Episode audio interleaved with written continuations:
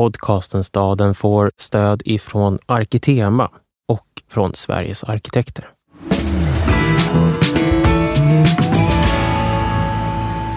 I varje samhällskris föds också grunden för nästa ordning. Det skulle kunna ses nästan som en lagbundenhet i hur kriser fungerar. Krisen, hur den genomlevs och hur den överlevs kommer att generera en uppsättning med lösningar som nästa epok kommer att ha som markplatta. Till exempel 1990-talskrisen som tog med sig en avreglerad kreditmarknad och låga räntor och inflationsmål in i nästa fas. En fas som märkligt nog inte tog slut 2008, vilket man kanske kunde tro med tanke på vilken lågkonjunktur som många länder och städer hamnade i då. Utan levde vidare som en slags vålnad, åtminstone fram tills helt nyligen. Frågan som ligger bakom detta tema om städer och lågkonjunktur är ju naturligtvis också vilken ny ordning kommer att emanera ur den här lågkonjunkturen? Som i alla fall Sverige befinner sig i. Den amerikanska affärstidningen Forbes skrev i januari 2023 att blir det lågkonjunktur i år på allvar så kan det komma att ta över ett årtionde för vissa städer att återhämta sig. Och större svenska städer ligger definitivt inom den här förutsägelsen. Så enormt sårbara de gjort sig för större ekonomiska förändringar. Så nu sitter vi här, söker någon att skylla på som man alltid gör när krisen kommer. Var det värt alla nu rostande elskotrar och försålda kommunala egendomar och obetalda bostadsrätter? Vad kunde man ha gjort annorlunda? En ständig fråga, trots att historien visar att konjunkturer kommer och går och det finns alltid något som man inte kunde förutse. Det här avsnittet ska handla om vad som förändras i stadssamhällen med lågkonjunkturer. Varje lågkonjunktur har ju sina omen, stormsvalor som ofta är grandiosa och storslagna, nästintill odödliga platser som just lyckas uppföras innan avgrunden öppnar sig och alla möjligheter blir stängda. Vi ska börja det här avsnittet i en sådan plats, i ett sådant palats. Det här är podcasten Staden. Jag heter Dan Hallemar. Och jag heter Håkan Forsell.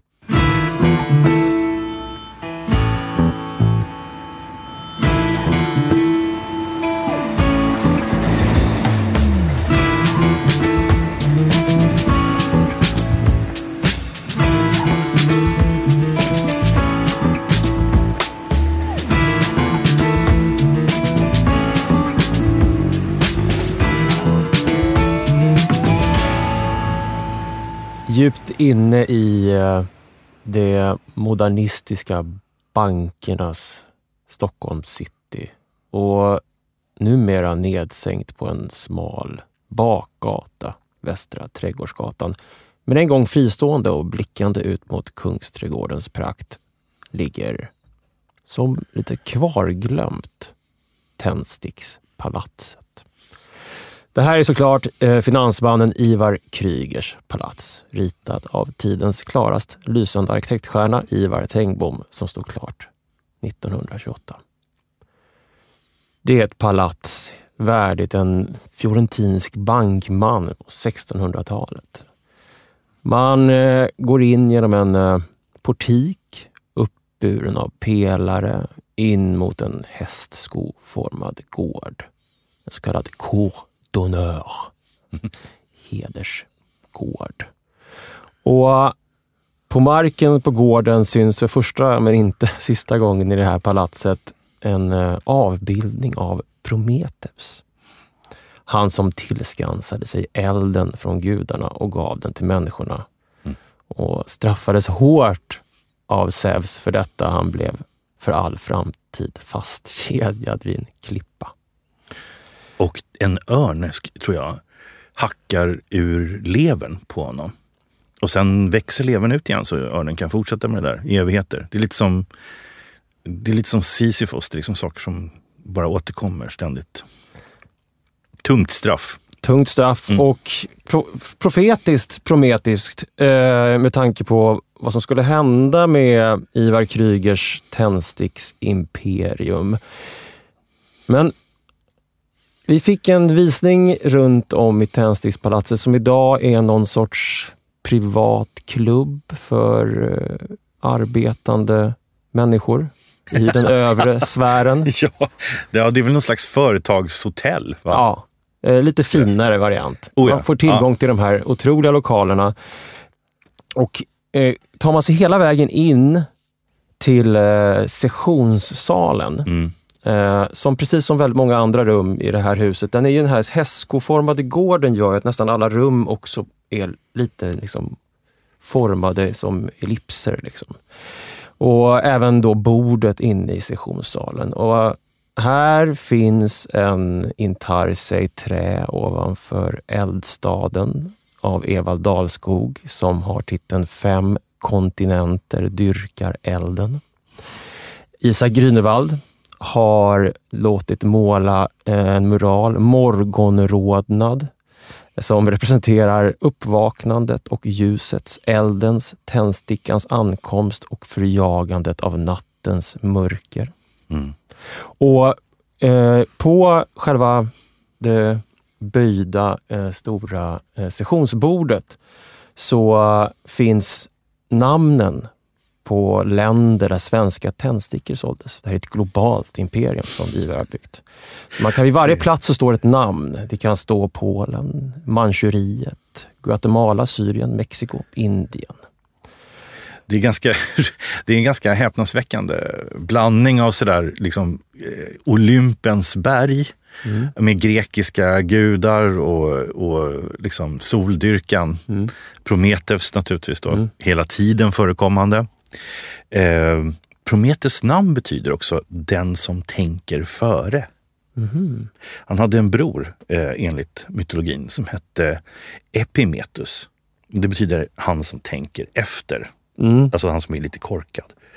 Men Prometheus tänker före och är slug. Ja, Så det, och det här blandningen av den här eh, gudavärlden och någon slags företagstempel. Ja, för det är väldigt mycket en, det är en byggd, eh, ett byggt varumärke. Mm. Handtagen är formade som eldslågor. Det sitter små knoppar överallt som föreställer tussilago eftersom tussilagons rötter används som fnöske. ja. Eh, och längst in i hela huset ligger Ivars eget rum som kallas för Tysta rummet. Och där kunde han sitta. Och på den här tiden då så såg man från det här rummet ut över Kungsträdgården Mm. och bort mot bankpalatsen. De då ganska nybyggda bankpalatsen på andra sidan eh, Kungsträdgården. Som jag förstått, alltså som jag, när jag läste bland annat eh, arkitekturhistorikern Björn Lind som var verksam på 70 och 80-talet framförallt. Han skrev om 20-talets arkitektur eh, en hel del. Mm. Ehm, och på något sätt så är det nog svårt om man inte tänker bort de husen som nu är för liksom, tändstickspalats, mellan Tändstickspalatset och Kungsträdgården och förstå hur den här fasaden var menad att liksom upplevas. Mm. Den skulle ju liksom samspela med de andra liknande imposanta bankpalatsen och liknande. Eh, och dessutom ha en, alltså, ha, ha en, vara en levande fasad som liksom åkallade att man förstod att det var någonting viktigt som hände där. Precis. Idag så ligger ju då det så kallade Sverigehuset eh, av Sven Mar- Sven Markelius som, som ritades, eh, eller byggdes 1970, ligger liksom i vägen. Ja, den är väldigt inklämd. Man kan liksom inte få någon distans till fasaden längre. Det, Men om man eh, ägnar sig åt lite sådär eh, 1920-tals fantasier så kan man i alla fall se att de här sammantvinnade trådarna som du lite grann nämner mellan bankpalatsen och Kryger. Och eh, Kryger var ju inte bara verksam som, som företagsimperium och tändstickskung utan eh, han hade ju också företaget Kryger och Toll som byggde väldigt mycket mm. i Stockholm under de goda åren på eh, ja, 1900-talets början. Eh, NK, varuhuset som ligger intill, eh, är ett av dem. Och där hade han, samarbetade han ju med, med sin eh, kusin Henrik Kryger eh, eh, som var expert på armerad betong. Mm. Så Kryger och Toll var de som tog den armerade betongen till Sverige eh, och byggde de första husen i, med hjälp av detta. Men jag blev också lite nyfiken. Vi vet ju, vi ska återkomma till krisen och kraschen. Men jag kände att det var intressant att uppehålla sig vid liksom den här högkonjunkturen, den korta första högkonjunkturen på 20-talet som Mm. det ju är. Ja, det är ju någon form av eruption. Liksom den, eh, första världskriget hade ju skapat en, eh, en krissituation egentligen som varade längre än bara kriget. Den varade in på 20-talet var det fortfarande dyrt i tid och material kostade enormt mycket. Eh, all, de flesta byggarbeten, till exempel i större städer i Sverige, stod ju i stort sett still. Och när ekonomin vänder ganska plötsligt, då, 1923 ungefär, så blir byggverksamheten intensivt febrig när ekonomin nu tillät det. Ehm, och det byggdes en mängd olika bostadsområden. Mm, men inte minst just de här representativa husen som vi nu pratar om. Tändstickspalatset, Konserthuset i Stockholm, också i Ivar Tengbom. Eh, det byggdes högskolor och kyrkor och under en kort period, säg från 24 och så resten av 20-talet, så är det liksom intensivt innan den här stora kraschen och arbetslösheten kommer sen på 30-talet. Och en av de arkitekter då som, som liksom hamnade i det här liksom, draget av, av intensivt byggande var ju då eh, Ivar Tengbom. Och han hade ju fått sitt genombrott innan detta eh, för när han ritar SC-banken, eller Enskilda banken som den då heter, för eh, släkten Wallenberg 1915 som ligger just vid Kungsträdgården på andra änden från Tändstickspalatset sett. Där han tillsammans med tidens liksom, skulptör Carl Milles skapar en klassicistiskt formad, eh, vänder sig från nationalromantiken in i det antika Mm. Greklands eh, idé om en ny demokrati, eh, en helt ny stil. Mm. Eh, ung och framgångsrik. Och eh, han, jag blev liksom nyfiken på honom för hans personlighet den största källan till, till, till min bild av hans personlighet det är den samling brev och dagböcker som Per Westberg gav ut eh, som heter Gördis och Alice. Eh, och Gördis var då gift med Ivar Tengbom fram till 1927 och Alice var hennes syster. Och hans personlighet har klara drag av liksom stark narcissism. Han, han var, vad man vet i alla fall, den enda som i sin liksom, arkitektgeneration som signerade sina byggnader. Mm. Så man kan alltid när man står framför en Tengbom-byggnad, Ivar Tengbom-byggnad, hitta en sten där hans namn finns Ja, just det. Det stämmer. hugget. Och han uttryckte det själv med sitt eget uppdrag som att en arkitekt borde stå bredbent där det sociala luftdraget går starkast fram. 20-talet är ju en, det är också en, de sociala folkrörelsernas tid, arbetarrörelsens tid. Och han står ju bredbent kvar i ganska tydligt i en lite nu snabbt åldrad eh, borgerlighet. Mm. Det är också kooperativets stora tid. Jag säga. Det är liksom, Mm. Framförallt när vi pratar om byggande. Det är ju nu som liksom SKB och HSB Mm. verkligen får fart. Och många av deras eh, bostadsområden slutet på 20-talet har ju just den här klassicistiska prägeln. Mm. Men en folk vänder sig till folket. Men ja, en enklare och också mer, kanske lite mer modellerad på eh, delvis på svenskt 1700-tal. Alltså trähus, enkla Mm. panelhus, eh, lite folkligare. Mm. Om man läser då hans fru Hjördis Tengboms dagböcker och brev så kan man konstatera att han brann, alltså Ivar, och lyste som en sol. Planeterna skulle kretsa kring honom. Eh, och han Prometheus. Prometheus. 1920 flyttar familjen Tengbom till Skeppargatan 66. Eh, och jag tänkte bara att jag skulle, bara för att ge liksom en, en interiör till vad en högkonjunkturarkitekts liv i Stockholm på 1920-talet.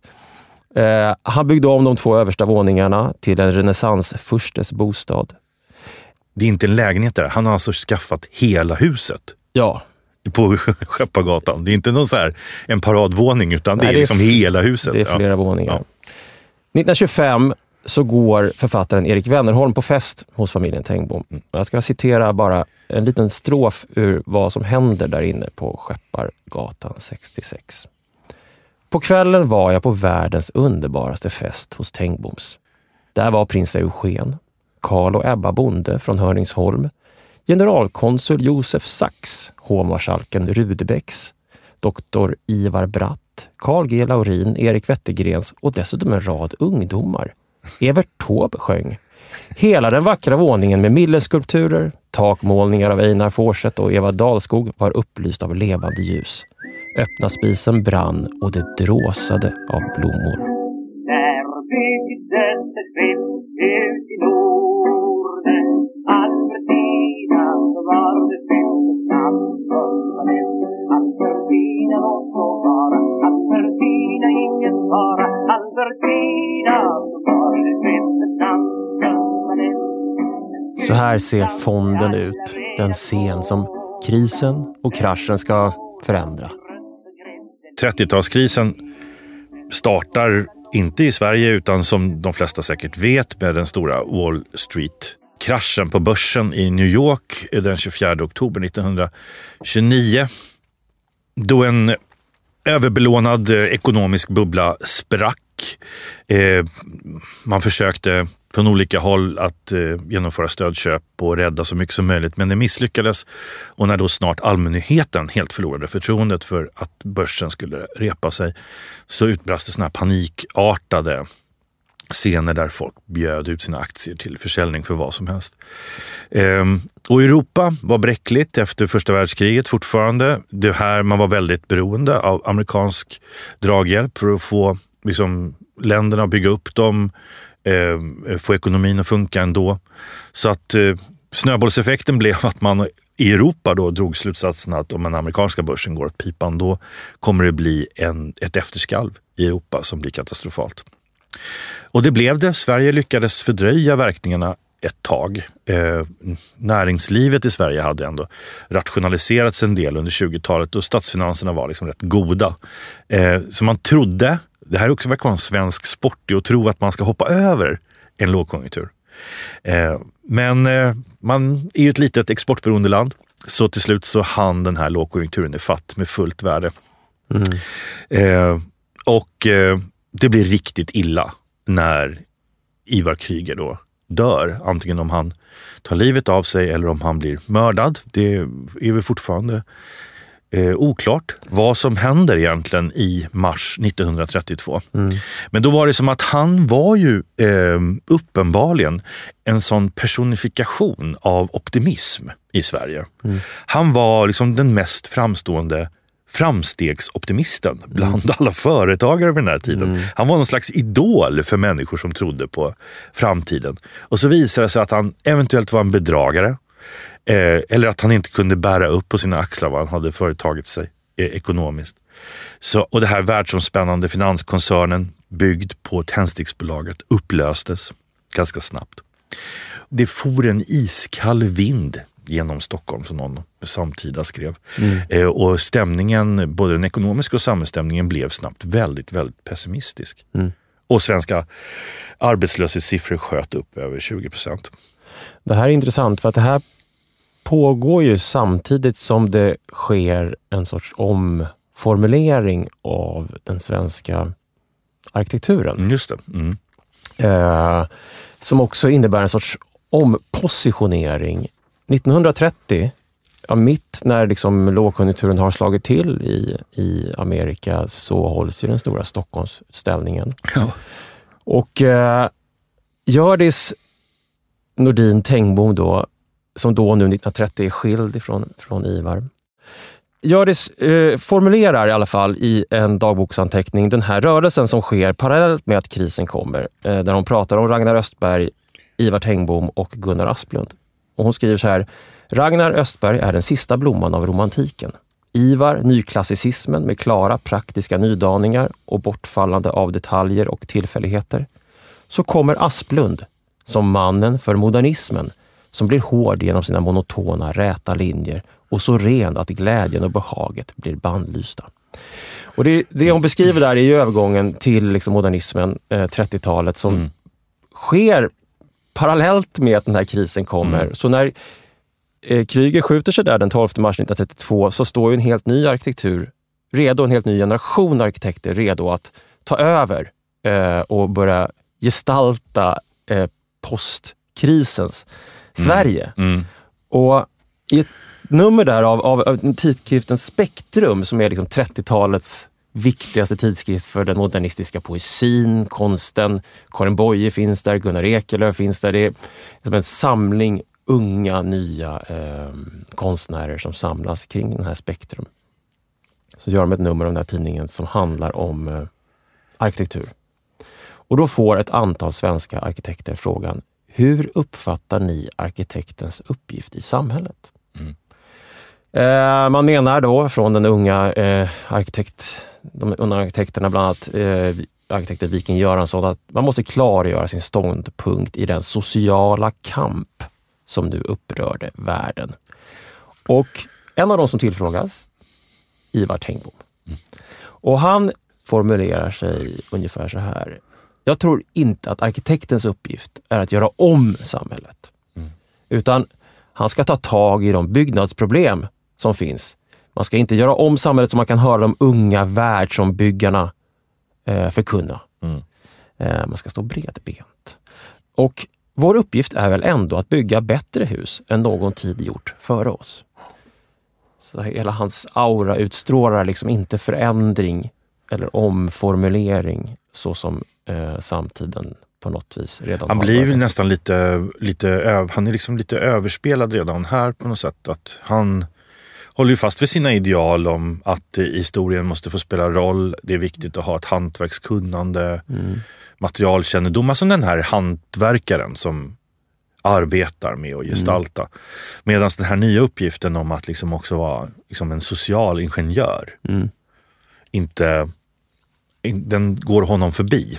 Ja, och en av hans främsta uppdragsgivare då, Kryger, eh, och inte minst eh, Krygers bror Torsten som ju dömdes till straffarbete 1933, eh, försvinner. Liksom, så att en värld slogs i spillror för Tengbom, skriver Rickard Brun i en text Ja. i tidskriften Arkitektur. Varför, gjorde han, varför åkte han dit in? Hade han gjort några ekonomiska Han, ja, han hade helt enkelt undanhållit olika ekonomiska... Han hade Okej. sugits in i den brottslighet som, som var Kryger-kraschen. Ja. En talande tystnad utbreder sig. Eh, Ivar Tengbom som fram till 1936 varit liksom, eh, chef för den kungliga byggnadsstyrelsen eller generaldirektör sedan 1924. Han identifierade sig själv med Tessin till exempel. Han hade liksom den statliga makten. Han hade Wallenbergarnas gunst. Han, han var en storfurste i arkitektvärlden. Eh, 36 lämnar han byggnadsstyrelsen. Han ritar nästan ingenting efter eh, den här 30-talskraschen. Han ritar Svenska institutet i Rom i utkanten av Villa Borghese 1940, eh, bekostad av Knut och Alice Wallenberg. Så Bonnierhuset åt familjen Bonnier blir väl egentligen hans sista som han ritar med sin son Ja. Anders, eh, som han ritar på 1930-talet, blir det sista han gör. Och sen lever han i 30 år till utan att egentligen fullborda någonting Ja, det är intressant. mer. Det är också intressant hur mycket det här, alltså apropå det som vi sa i inledningen, att krisen kommer att lägga grunden för nästa ordning. Mm. Alltså här är ju liksom en, här är den här ordningen med byggnadsmecenater, liksom viktiga kontakter, men också de privata byggföretagen uppför husen vid sidan av då de uppkommande kooperativa till exempel. Men alltså staten och kommunen har ju hittills varit ganska frånvarande i själva bostadsbyggandet eller byggandet av städer. Mm. Men mer liksom, epoken Ivar Tengbom och, och hela den världen från 20-talet, eh, den tar ju slut. Och 30-talet är ju liksom, det är ju en lågkonjunktur som skapar en ny politik i Sverige. Mm. Eh, där liksom John Maynard Keynes idéer om liksom statliga investeringar i de stora sektorerna som infrastruktur eh, och bostäder är det viktiga. Här har liksom kommunerna en helt ny roll att spela. Liksom Vägen ut ur krisen är att man ska investera, det allmänna ska investera sig ut ur den här lågkonjunkturen. Ja, för det mest konkreta följden av, av, av krisen är ju den här eh, krisuppgörelsen mellan Socialdemokraterna och Bondeförbundet 1933. Och det första man gör där, vilket jag tycker är, alltså det är ändå djupt fascinerande vad man tänker att man gör. Det första man gör i den här krisuppgörelsen är ju att eh, bygga eh, barnrikehus Mm. där staten inför speciella lån för beredandet av billiga hyresbostäder åt mindre bemedlade barnrika familjer. Alltså egentligen enda gången i svensk historia som vi har haft det som man skulle kunna kalla för social housing, det vill säga direkt eh, eh, anvisade bostäder för människor eh, med sämre eh, tillgångar. Och kommunerna förväntades ställa upp med gratis tomtmark, garantera att hyrorna blev betalda eh, och så fick man då hyresrabatt baserat på antalet barn. Tre barn gav 30 rabatt, fyra barn gav 40 rabatt. Mm. Och samma år, eller det, som man gör sen, så att säga, det är ju att tillsätta den här stora bostadssociala utredningen som bereder plats för precis som det som du beskrev. Liksom, mm. När den blir klar, i och för sig först efter kriget 1947, så mm. inleds ju den stora epoken av, av, av som kommunala allmännyttiga bostäder. Och, ja. ja, det är ett helt system som egentligen kommer att liksom fungera, eh, kanske inte fungera hela vägen, men i alla fall vara någorlunda intakt mm. ända fram till nästa stora kris i skiftet mellan 80 och 90-tal.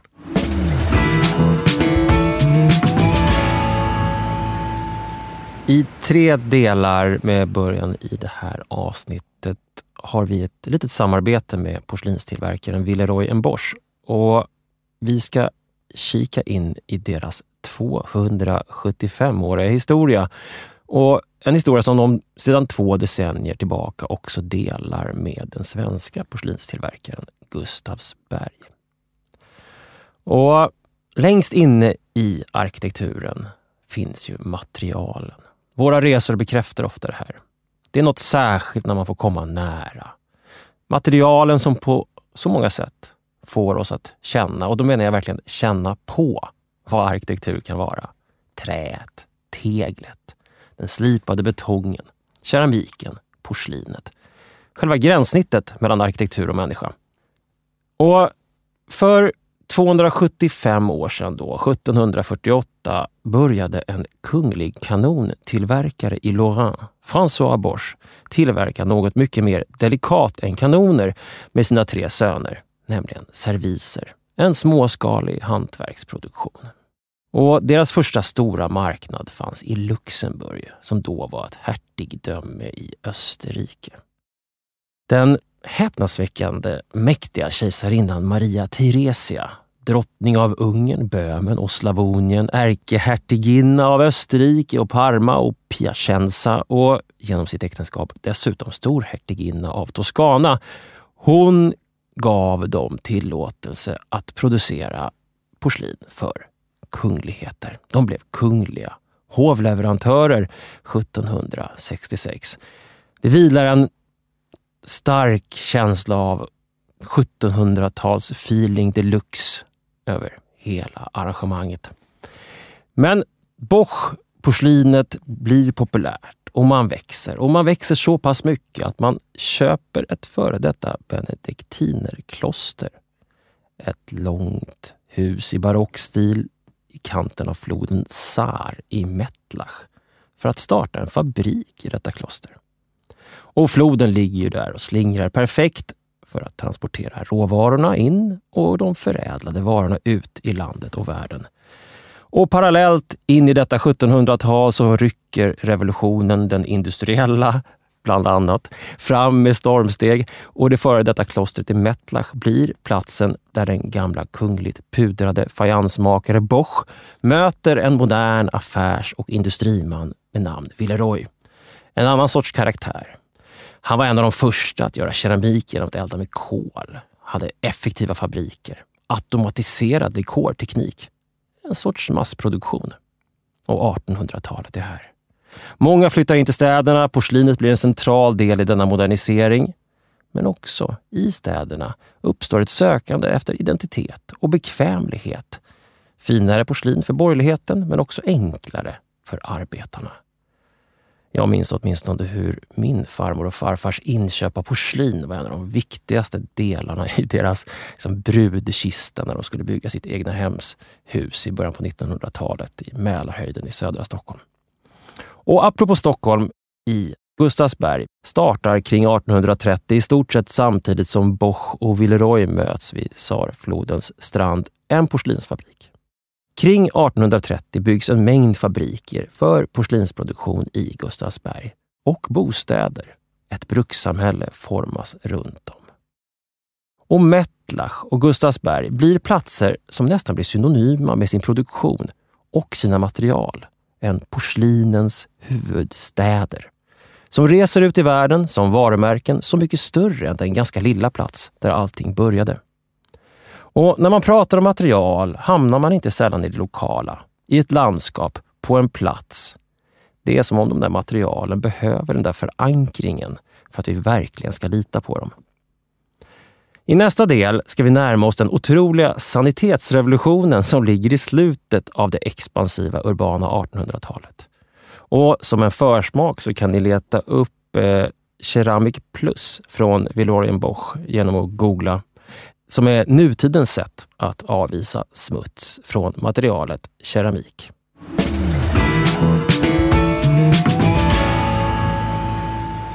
När vi nu lämnar 1930-talet för att röra oss fram mot 90-talskrisen i Sverige så kan det ju vara värt att påminna sig om att Sverige alltså levde under en väldigt lång tid i den här ekonomiska och finanspolitiska modellen som hade etablerats där kring andra världskrigets mm. slut kan man säga. Det var ett system, ett utvecklat system av regleringar av banker, av eh, fasta växelkurser, eh, reglering av kreditmarknader. Det här var helt centrala förutsättningar för alltså den svenska modellen. Eh, det var en politik som subventionerade mycket den offentliga sektorn, bostadssektorn, gav den rikligt med Eh, kapital. Jag kan bara ta ett, ett kort exempel från Västerås under 70 och 80-talet. För Västerås som industristad hade liksom, var inte riktigt så stark längre eh, på 70-talet. Um, ehm, och då fanns det olika sätt för det allmänna och staten att försöka liksom, eh, hjälpa till eh, att liksom få ekonomin i rullningen. Då. Att man kunde också luta sig mot den här, att man skulle hoppa över en eventuell lågkonjunktur eller att man satsade på andra delar av en stads ekonomi. Och just i Västerås så var det ju, ledde ju den här typen av subventioneringspolitik att man såg en ganska manligt präglad industristad mm. krympa ihop och istället så etablerades en allt mer som kvinnligt präglad vård och omsorgsstad under loppet av 70 80-talet. Mm. Eh, och det där är intressant för liksom det kommer ju liksom delvis att och liksom förändra eh, känslan av att liksom befinna sig i offentliga rum också. Vilka som går till lunch, liksom, vilka som rör sig i staden mm. och sådär. Mm. Eh, och det här var ju någonting som också levde naturligtvis på att man hade en central stat som mycket såg till att med tunga investeringar liksom kunna skjuta ekonomin i den riktning man trodde var bäst. Jag tycker det är intressant det där med överhoppningen och oviljan kanske att, jag vet inte, men att se att världen är ny eller att hålla kvar vid gamla föreställningar om vad som funkar och att det ofta är liksom ett första tecken på... Ja. Alltså när, när, när försvaret för det befintliga blir så starkt att, att det blir ologiskt nästan, så, så, så, är det liksom första tecken på att man är på väg in i en, in, i en stor liksom, kris. Förnekelsefasen. Ja, det är det. Den liksom förnekelse och lite hybris, det här med att man ska kunna, det hette ju överbryggningspolitik delvis det här. Mm. Att nu, äh, men nu kommer lågkonjunkturen, men vi hoppar över den. Mm. Så vi, man liksom man surfar sig ur krisen mm. och dockar an till framtiden när kurvorna börjar peka upp igen. Exakt, och det, samma sak med, med var ju den, de enorma subventionerna som gjordes av, av byggandet av hyresbostäder ja. under slutet av 70 början på 80-talet just för att väga upp den ojämlikhet som man hade uppfattat hade infunnit sig mellan det ägda, billiga boendet och det hyrda, dyra boendet i slutet av 60 början på 70-talet. Att staten skulle gå in och brygga över den skillnaden mm. med stora subventioner av hyresboenden så att även de som bodde i hyresrätt skulle få samma rättigheter och samma råd eh, som de som bodde i, i egna, oftast eh, billiga eh, villor. Så. Mm. så det är också en sån här, sån här stor, storslagen statligt försök att skapa rättvisa. Att ha, hålla kvar ja. vid, vid idén om det här folkhemmet som man, som man hade hållit på att bygga på så pass, på så pass länge. Just det. Men den här föreställningen kommer ju brutalt att brytas när det liksom sveper in en avregleringsvåg internationellt under 80 och 90-talet. Det skapas nya finansiella instrument och tekniker för att, för att liksom få mer rörelse i systemet. Liksom. Mm. Det här är också naturligtvis eh, någonting som skapar faror. Och för Sveriges del så var det ju så att andra hälften av 80-talet eh, såg ju svensk ekonomi vara helt överhettad. Den tuggade på över sin förmåga. Det var, och avgörande bakom allting låg ju just det här trycket mot svensk, alltså att Sverige skulle avreglera sina sitt banksystem och sitt Mm. finansiella system. Mm. Det här som kallas för novemberrevolutionen 1985. Vi har ju liksom varit inne på det några gånger men det är väldigt, väldigt viktigt. Regleringssystemet som fanns tidigare som hade styrt hur liksom den svenska välfärdsstaten finansierades, det var uppenbarligen föråldrat och det visste nog de flesta om. Men det är också påfallande hur oerhört lite erfarenhet och kunskap svenska ekonomer och banker och politiker hade hur ett lands ekonomi fungerar när det inte finns några liksom, regler, när det, allting är avreglerat. Mm. Kjell-Olof Feldt, den gamla socialdemokratiska finansministern, han eh, som just var finansminister då 1985, Mm. han skrev i början på 90-talet en sån minnesbok. Eh, vad hette den? Alla dessa dagar Mm. som kom och gick. Eller något. Mm. Där han, eh, apropå okunnighet och oerfarenhet, där han frågar Olof Palme eh, hur han ställer sig till den här avregleringen av bankerna. Mm. Och då svarar Palme, ja men gör som ni vill. Jag begriper ingenting ändå. Det där är lite det där är, det där är intressant, men det är också lite, tror jag, lite debatterad fråga där. Eh, jag vet att Ingvar Carlsson, som ju också kanske mer hördes till, liksom, eftersom han var Erlanders grabb precis som, som Olof, och inte- var den gamla generationen Mm. på något sätt, dementerar ju det där att Olof Palme alls skulle ha känt till den här novemberrevolutionen. Novemberrevolutionen innebär ju att, att man avreglerar kreditmarknaden, vilket gör att nu kan Tidigare så har Riksbanken varit tvungen att godkänna stora utlåningar eh, av olika slag, men nu kan, man fritt, nu kan bankerna fritt låna ut obegränsat med pengar utan att Riksbanken hindrar dem. Och enligt Ingvar Carlsson så informerade inte finansminister Kjell-Olof Feldt statsministern alls på ett tydligt sätt om planerna. Eh, utan det här genomfördes, menade Ingvar. Då. Det, här, det är också intressant att det är en debatt, eller att det är någon sorts liksom intrigerande inom socialdemokratin, för det här är en förvirrad socialdemokrati på 1980-talet. Man har ju vunnit tillbaka makten eh, efter sex år av borgerliga regeringar. 1982 Löntagarfonderna är fortfarande en levande idé, det vill säga något försök att hålla kvar ändå vid det reglerade, det statligt Ja. ägda. Men i alla fall så genomförs den här revolutionen under radarn, menar Ingvar Carlsson, av Kjell-Olof Feldt, ordförande i Riksbanksfullmäktige Erik Åsbrink och riksbankschefen Bengt Dennis. Eh, som Ja, det- integrerar i skuggorna där. Eh, De, jag förstår att de strider om det här, liksom vem som sitter på sanningen om hur det egentligen var. För det är ju av betydelse för vad som händer sen. För den här avregleringen som ändå sker, den ger incitament, som det heter, för företag och hushåll att börja låna pengar och låna enormt mycket. Samtidigt som också stadsbyggnadsutvecklingen befinner sig i en fas där det är väldigt stora mängder äldre fastigheter som liksom man kan investera i för att sanera upp. Det börjar finnas en marknad för att sälja dem vidare. Eh, det finns väldigt fördelaktiga liksom, avskrivningsmöjligheter. Så mycket av fastighetsmarknaden blir belånad. Många hem blir belånade och företag belånar sig också. Eh, och sen kommer naturligtvis då eh, i, efter att Tyskland har återförenats. Eh, det händer en mängd andra saker som gör att räntorna börjar stiga och helt plötsligt så har man då en snabb scenförändring kring 1990. Eh, arbetslösheten tar fart igen. Den svenska kronan som man försöker hålla en fast växlingskurs på, den blir utsatt för en massa attacker, spekulativa attacker, sjunker i värde. Det är då Bengt Dennis gör den här radikala liksom, försöket att rädda kronans värde genom att höja marginalräntan till 500 procent en liten tag. Men eh, valutan bröt samman ändå. Så till slut så lämnades den rörlig, flytande. Eh, fick finna sin egen nivå. Men precis som i eh, fallet med Krügertiden och Krügerkraschet så, så kan man ju få syn på den här stadsbyggnadsmässiga lånedopade, kreditavreglerade staden fortfarande i svenska städer. För att även den här krisen försiggick ju av det som på något sätt blir ja, de stormsvalor som du Ja. beskrev i början där, ehm, som, som byggs upp och landar precis innan allting faller. Mm. Den 26 oktober 1989 eh, så invigs en ny skyskrapa i Västerås. En stad som året därpå ska fylla tusen år. Men man tjuvstartar firandet med att inviga denna skrapa, eh, 81 meter hög, Sveriges femte högsta, ritad av Boris Kuljat.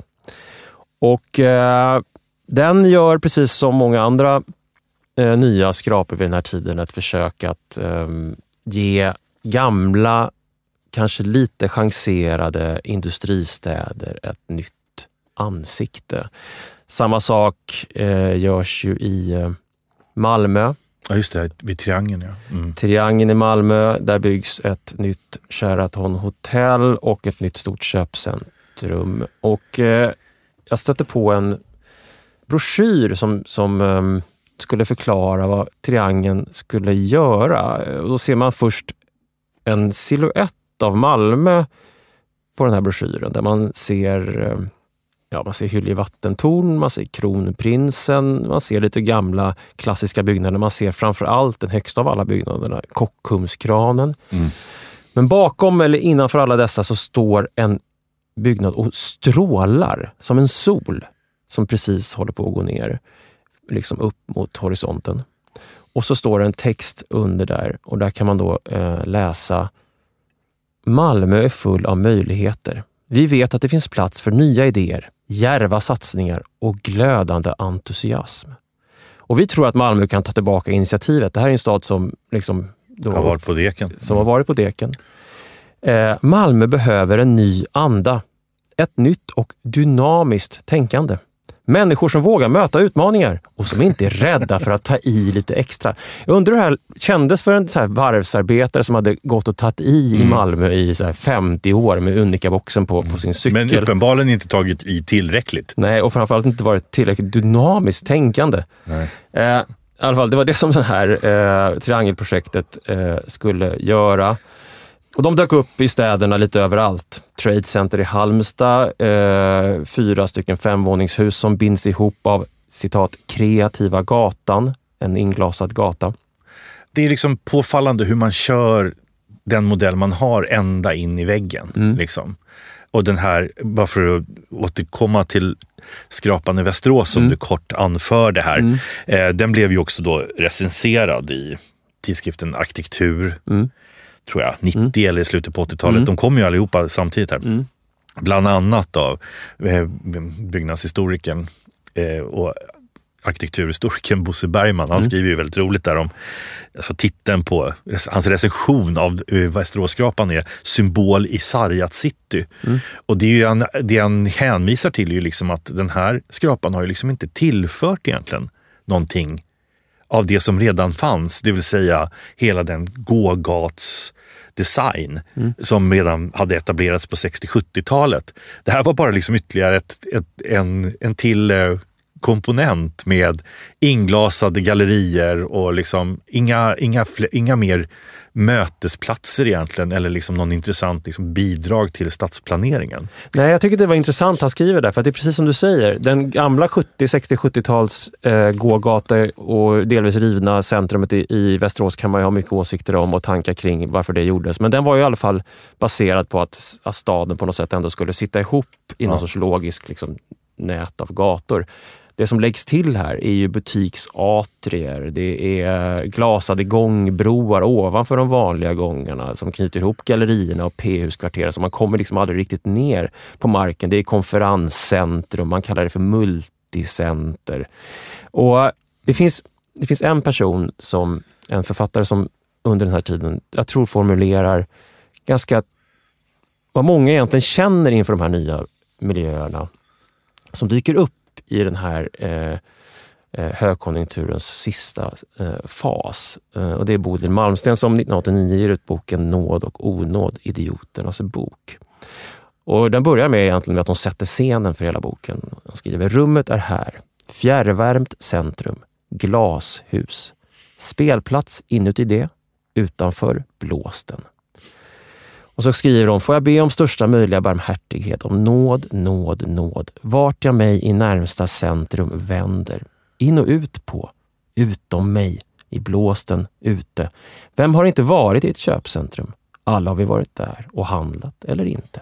Drivit omkring som flingor i dess apotek, system, Åhléns, Försäkringskassa, Posten, Vårdcentralen, Metro, ICA, Vivo, lika med jag lever. Handla eller inte handla, varje dag den andra lik. Hon ser så här, gravstenar i keso, tulpaner i fempack, lean cuisine, en sådan mager mat. Sorg, en sådan sorg i centrum. Eh, det här är verkligen en, det här är som en sorts eh, generationsroman för någon som har kommit ur liksom Vällingbys folkhemsvärld och försökt fly från den Mm. och tänkt att nu ska den stora staden öppna upp sig för mig och göra mig till den jag var menad att bli. Och så sitter man fast i ett inglasat centrum. Men paradoxalt nog skulle man kunna säga att 90-talskrisen i Sverige, som var väldigt djup, alltså den kanske den djupaste fastighetskris som ändå hittills har, har skett, tror jag. Eh, kunde ju ändå, alltså det, var en, det var ju en slagsida fortfarande på att det var mycket av det offentliga som ägde fastigheterna. Och därför hade liksom lite mer ekonomiska, eh, liksom lite mer ekonomisk bärkraft att ta de här smällarna som skedde. Eh, skulle man jämföra med läget nu så skulle det ju vara liksom mycket mer privatpersoner som fick bära de ekonomiska dyrtiderna. Men den här 90-talskrisen innebar då ett slags slut. De här, alla de här skyskraporna och inglasade, liksom, det, sista, det var liksom de sista trumpetstötarna av en väldigt lång ekonomisk period. Som liksom den, den sista stora sucken. Eh, det som kommer ut ur den, det som kommer ut ur den här skyddande muren av nationell politik och regleringar, det är ju den stora, det är också en stor vändning, inte minst om bostadsmarknaden som förlorar en mängd, liksom där man tar bort en mängd subventioner och liknande. Eh, men det var ju framförallt de borgerliga partierna som såg sin chans här och formulera en slags ny norm som skulle gälla efter eh, 90-talskrisen. Alltså när man kom ut ur det här. De formulerade ju ett program, ett, ett slags manifest 1991 som hette Ny start för Sverige. Och där är ju då återigen de grundbultar som kommer för nästa ekonomiska fas är liksom formulerade. Och eh, de borgerliga partierna vinner ju också valet 91 med stöd av Ny Demokrati. Men det är alltså strukturreformer, avregleringar och inte minst en ökad privatisering. Liksom att Riksbanken får ett nytt mål, inflationsmålet. Man överger den där fasta växelkursen, för det gick ju inte. Så där är de där komponenterna som sen ska lägga grunden för nästa ekonomiska äventyr. Mm. Det finns en del, alltså 90-talet är ju en ganska avstannande period för nybyggnationen i Sverige, men det finns vissa saker i den här, det här systemskiftet som börjas med, med den borgerliga valsegern 91, men som sen fortsätts av, av de följande socialdemokratiska eh, regeringarna. Och eh, bland annat så säger ju Carl Bildt i sitt installationstal 91 att bostadspolitiken ska inriktas på att alla ska ha möjlighet till en bra bostad och det förutsätter en bygg och bostadsmarknad med mer av konkurrens och valfrihet. Eh, och ett av de förslagen som skulle visa sig vara mest avgörande kanske för hur stadsmiljöer förändrades under de kommande 10, 15, 20 åren eh, var ju det som då regeringen Bildt eh, lägger fram, nämligen att man ska förbättra möjligheten att äga sin bostad och lägga fram ett förslag som underlättar för de boende att omvandla sin fastighet till bostadsrätter. Och apropå det där du sa om Västerås, hur liksom de statliga subventionerna som inriktade sig mot offentlig verksamhet förändrade stadsbilden. De gamla Unicabox-männen från, från ASEA ersätts av, av, av, av sjuksköterskor.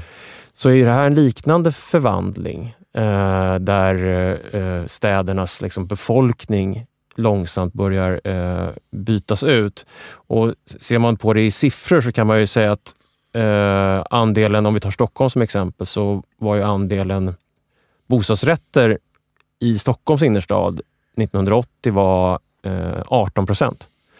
Och eh, idag så är de runt 65 procent. Mm. Och den här statliga uppmaningen till liksom utförsäljning av offentligt ägda bostäder är kanske en av de tydligaste avtrycken Mm. efter 90-talskrisen på svenska innerstäder. För bostäderna fick ett värde på en marknad som de inte hade haft tidigare. De började identifieras som platser för en välbärgad, kreativ medelklass. Och 1995 så sätter eh, Sharon Sukin i sin bok The Culture of Cities fingret på det som hon kallar för pacification by cappuccino. Ett sätt att beskriva ett kontrollerat stadsliv där konsumenten är viktigare än, än medborgaren. Och någonstans här så fullbordas väl en rörelse som egentligen hade påbörjats redan i slutet av 60-talet. Bostaden går från att vara en rättighet till att vara en vara på en marknad. Och i och med det så är vi ju på 1990-talets slut, egentligen tillbaka vid 1920-talet. Innan de stora reformerna efter 1930-talets stora krasch. När de stora föll, och föll vi små och vi föll rätt ner i backen. Fält öppna kranarna och dårar drack. Vi var alla där på festen hit upp till nacken. Men det var vi som tog skiten när bubblan sprack.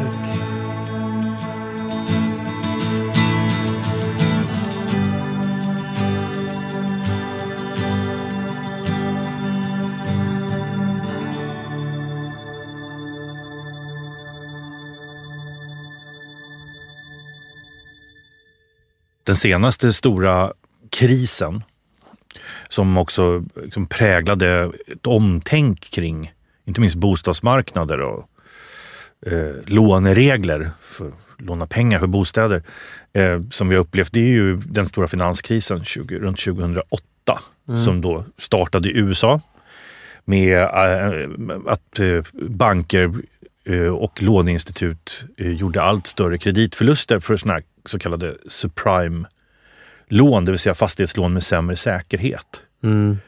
Och jag tror nog att för många så var den här krisen liksom också ett väldigt starkt uppvaknande av att det man kanske tänkte sig som en lokal bostadsmarknad eller en åtminstone en nationell bostadsmarknad visade sig vara liksom bara en global härva av finansiell teknik.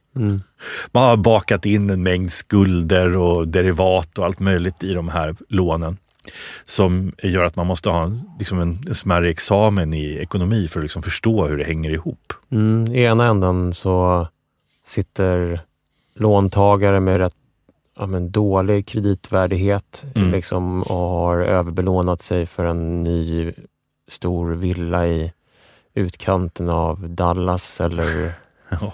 San Diego. Och ofta också människor som kanske tidigare inte tidigare generationer inte har fått tillgång till den här typen av boenden som har varit liksom företrädesvis liksom en vit medelklass. Nu var det inte minst ofta en, en svart medelklass, ny medelklass som hade gjort den här klassresan och som satt med de här med bostäder som var överbelånade och, och med låg återbetalningsförmåga. Och att det där sitter ihop med ettor och nollor som transporteras över världshaven med, på Mm. millisekunder Ja, och landar i Grekland och Portugal och precis. Spanien. Och, Det var nog en, eh, återigen en chock. Det är alltid de här oförutsebara faktorerna som kommer att skapa den där Mm. chockvågen. mm. Ehm, och helt plötsligt så var ju just eh, ja, men, stora delar av världen indragna i eh, en eh, ekonomisk kris, inte en bostads och fastighetskris Mm. framför allt. Och det gick ju att titta på när man eh, åkte runt i, som du sa, spanska, portugisiska, irländska städer som hade expanderat under en väldigt lång period, eller liksom en period i alla fall. Mycket urban sprawl, mycket nybyggda liksom, stadsdelar Mm. som nu med ens bromsade in och stod liksom halvfärdiga om ens det. Det var ju ett, ett slags märkligt modernt ruinlandskap som hade växt fram i många städer i Europa. Mm, vi mötte ju på det där när vi gjorde vårt avsnitt av Thessaloniki. Eh, där de här skeletten av... Alltså första våningen var liksom byggd, men de två övre var inte färdiga. Nej. Vilket fungerade som en sorts liksom, också då backdrop till en pulserande flyktingkris då när vi var där 2015 som, som pågick genom hela Europa. Det var ju kanske en av de mest dystopiska resor vi har gjort liksom, i det sammanhanget. Om man säger. Där, eh, Jo, men det var bitvis väldigt eh, nedslående och krast. Och det gäller ju för många andra städer också att den här krisen från 2008 som påverkade fastighets och bostadsmarknaden levde med så länge i städerna så att liksom det var en realitet som, som också den här flyktingvågen från 2015 kom. Mm. Konfronterade. Man Liksom den, det var en häxkittel av liksom, eh, icke-fungerande bostäder, eh, halvbyggda fastighetsområden och eh, liksom, var ska man husera människor som kommer på flykt. Eh, men bara för att ta ett, ett exempel på en stad som inte bara råkade ut för en kris utan flera i, i, inom loppet av eh, åren kring 2007 och 2008 så kan man ju ta Aten. mm. Aten var ju liksom en sån otrolig framgångssaga ett tag där mellan 1995 och 2007. Då hade Grekland den högsta tillväxten av alla länder i hela Europa. Det var ju det vi såg spåren av också där i Thessaloniki såklart. Ja, Mm. eh, så det är en lång period. Alltså. Det är nästan 12 år av liksom bra tillväxt. Mm. Eh, nu visar det sig att den här tillväxten var hade ju tillkommit genom olika typer av just subventioner och en hel del inte helt lagliga sätt att tillskansa sig medel. Mm. Eh, piken var ju naturligtvis 2004. Då mådde Grekland väldigt bra skulle man kunna tro. Det var mycket fint som hände då. Man hade liksom OS i Mm. Aten och hade byggt en mängd olika eh, nya arenor. Man hade ju liksom fixat till ett tunnelbanenät. Man, ja, en mängd olika infrastruktursprojekt Mm. för OS i Aten 2004. Man vann eh, samma år EM i fotboll Mm. och Eurovisionsschlager. Mm. Elena Paparazzi, heter hon inte det? Paparizzo. Papar, paparazzi är någonting annat. Paparizzo. Mm. Ja, så det var ju, det var ju, det var ju liksom klackarna i taket. Ja, men när man läser om OS i Aten 2004 och vet vad som hände sen med det, eh, både staden och landet, så, så får man den här känslan som, som vi hade också för att anknyta till ett annat program vi gjorde om, om Sarajevo Mm. och deras OS eh, 1984. Som liksom, där snön föll, låg pudervit över den vackra staden och alla, alla stjärnor stod liksom rätt. Och den känslan hade man nog också när eh, spelen i Aten öppnade. Det fanns ju en arkitekt, spansk arkitekt Santiago Calatrava som kom att rita många av de här eh, byggnaderna, de här eh, arenorna och det runt omkring arenorna eh, som liksom blev symboler för de här eh, Mm. spelen. Och på sätt och vis, apropå liksom linjer ifrån från andra perioder och, och återinvesteringar efter 90-talskrisen så kan man nästan se Calatravas eh, byggnader för OS i Aten som en sorts förlängning av, av det som började hända på 90-talet i de krisdrabbade industristäderna som Bilbao till exempel. Den, den här nya ikonarkitekturen Ja. som reser runt jorden och placerar ner sina utsökta eh, svepande eh, tjusiga byggnader på platser och sen försvinner därifrån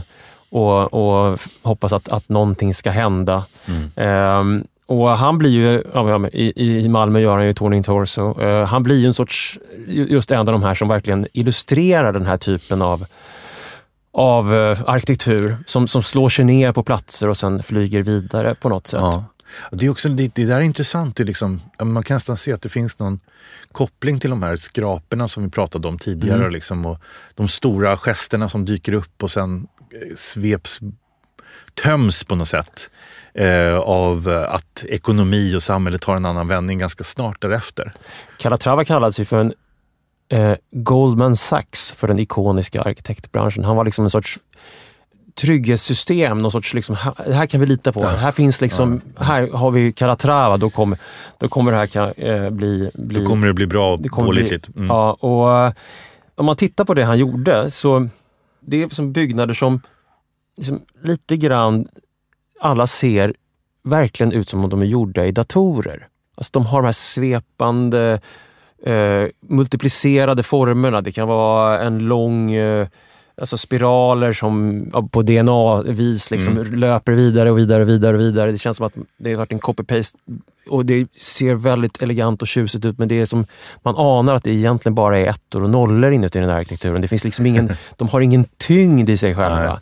Det finns liksom ingenting som eh, utan de, de är gjorda i, i en sorts datorgenererad eh, miljö. Alltså det, det där är ju intressant för med tanke på hur stadsmiljön, om jag återvänder till Aten, där just Calatrava var verksam, ehm, hur stadsmiljön i Aten förändrades. Inte bara från att man liksom gick in i en djupare kris ifrån 2007-2008, utan under den perioden som den här högkonjunkturen var också. Nämligen att alla de här olika urbana utvecklingsprojekten som det hade investerats så mycket pengar i, megainfrastruktur, shoppingcentra, transportnätverk, eh, hade liksom gjort en förändring av Aten. Det hade uppkommit nya fastighetsvärden, nya rum som inte hade funnits där tidigare. Så att delar av stadsbilden började både reellt och även symboliskt att förändras. Så det, den här uppkomsten av nya attraktiva konsumtionsrum till exempel, som tidigare inte hade funnits, gjorde att vissa delar av stadskärnan hade liksom börjat visa på tecken på materiellt förfall redan under den här boomperioden. Eh, en del marginaliserade sociala grupper eh, hade börjat liksom eh, bosätta sig eller upp, uppehöll sig i områden som tidigare hade liksom varit tillhört medelklassen och som hade då börjat flytta ut till mer modernare eh, atenska stadsdelar. Och det här är intressant att liksom, eh, när sen krisen faller över Aten så drabbar ju det hela staden och inte minst också de här nybyggda och nyinvesterade områdena. Så man, jag var i Aten 2010 och vandrade runt eh, med en arkitekt som var djupt förtvivlad naturligtvis och visade alla dessa, alltså dels arenorna men också hur tunnelbanan hade förfallit tyckte han och vissa torg hade blivit övergivna som tidigare var hubbar i det atenska eh, tunnelbanesystemet var nu liksom bara övergivna och människor som var hemlösa befann sig där. Ehm, så att eh, krisen svepte med sig både gammalt och nytt. Liksom. Det, det spelade liksom ingen roll. Medan däremot bara den här 12-årsperioden innan som hade varit liksom en investeringsperiod hade snarare destabiliserat det gamla Aten genom att liksom uppfinna nya platser med, med liksom lånade pengar. de här nya platserna och de här arenorna och allt det här. Man, man kan ju nu nästan göra den där resan till sommarspelen 2004 och vandra genom vad som de facto är ruiner av en dröm. Eh, en del av arenorna användes just under flyktingkrisen som Ja, uppställningsplats för tältläger. Inte minst när talibanerna tar över Afghanistan så, så, så blir den stora eh, Calatravas största stadion som är en sorts snäcka i, upp och ner med en snäcka som, som blir liksom tältläger. Men det finns många dystopiska skildringar av det förfall som har skett med de här, de här eleganta eh, konstruktionerna Mm. i Aten. Eh, och det är ju naturligtvis heller ingenting som, som man kan... De står ju där. Det går liksom inte och påminner en om någonting liksom, som har liksom försvunnit. Och någonting som har gått i kras. Ja, ja men det, det, någonstans så var ju också det här en väldigt symboltyngt för många intellektuella och politiskt liksom opinionsbildande på något sätt. Att det, här som hände i Aten, att det gick så fort att få ett nytt form av modernt ruinlandskap där. Eh, på grund av ja, vad som uppfattades var, och, och var naturligtvis också, en, ett slags eh, fundamentalt misslyckande också inom, inom EU, att liksom ha en gemensam ekonomisk politik. eh, Det hade också stupat och Aten var en sinnebild för det. Vi både Kajsa Ekis Ekman och Alexandra Pascalidou skrev ju typ samtidigt nästan varsin så här krisstudie ifrån Aten, eller ifrån Grekland kan man väl säga. Men mest ifrån Aten. Så att eh, symbolvärdet av Atens snabba nedgång var ju liksom enormt. Ja, men jag tänker också att just symbolvärdet, eftersom, eftersom hela, hela det olympiska projektet. Både är då historiskt ett grekiskt symbolvärde i sig, men också för att, att eh, de här arkitektoniska ikonerna är på något sätt också symboler hela tiden. Alltså de är bara symboler.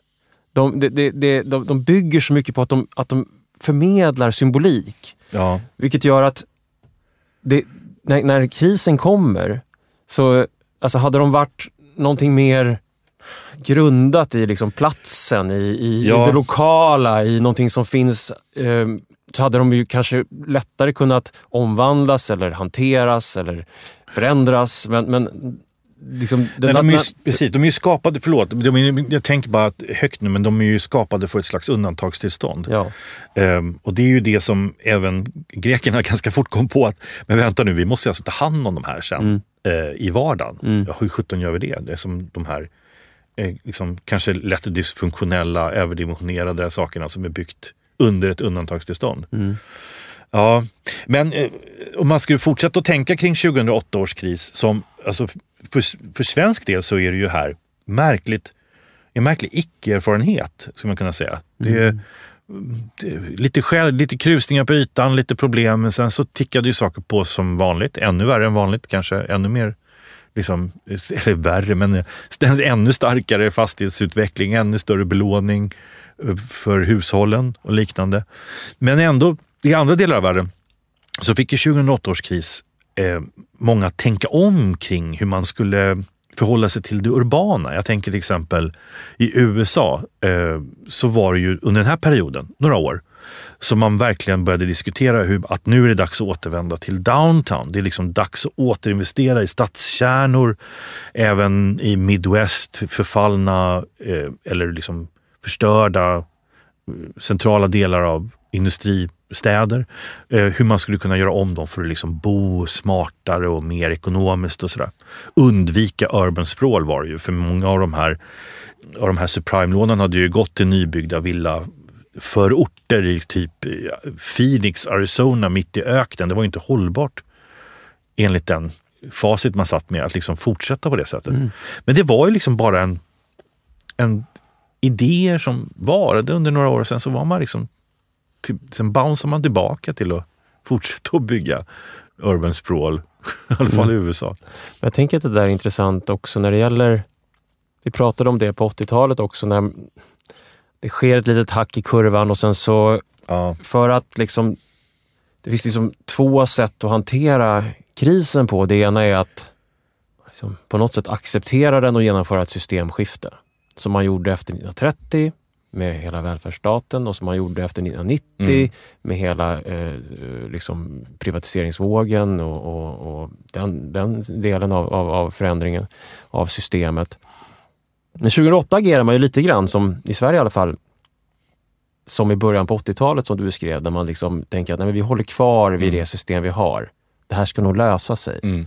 Vi ser till att, eh, att pumpa in ännu mer liksom, pengar i det här systemet för att det ska funka. Det som är präglande för, för, för liksom, 2010-talets svenska bostadsmarknaden är ju just att, att den blir en global handelsvara. Ja. Man börjar köpa och sälja fastigheter. Eh, inte minst via de gamla AP-fonderna, eh, de gamla liksom statliga fonderna som, som handlar med bostäder, fastigheter, investerar i fastigheter. Och, många nya kortsiktiga aktörer som går in, eh, Blackstone eller vad de kan heta, Hemsö, köps upp, säljs igen.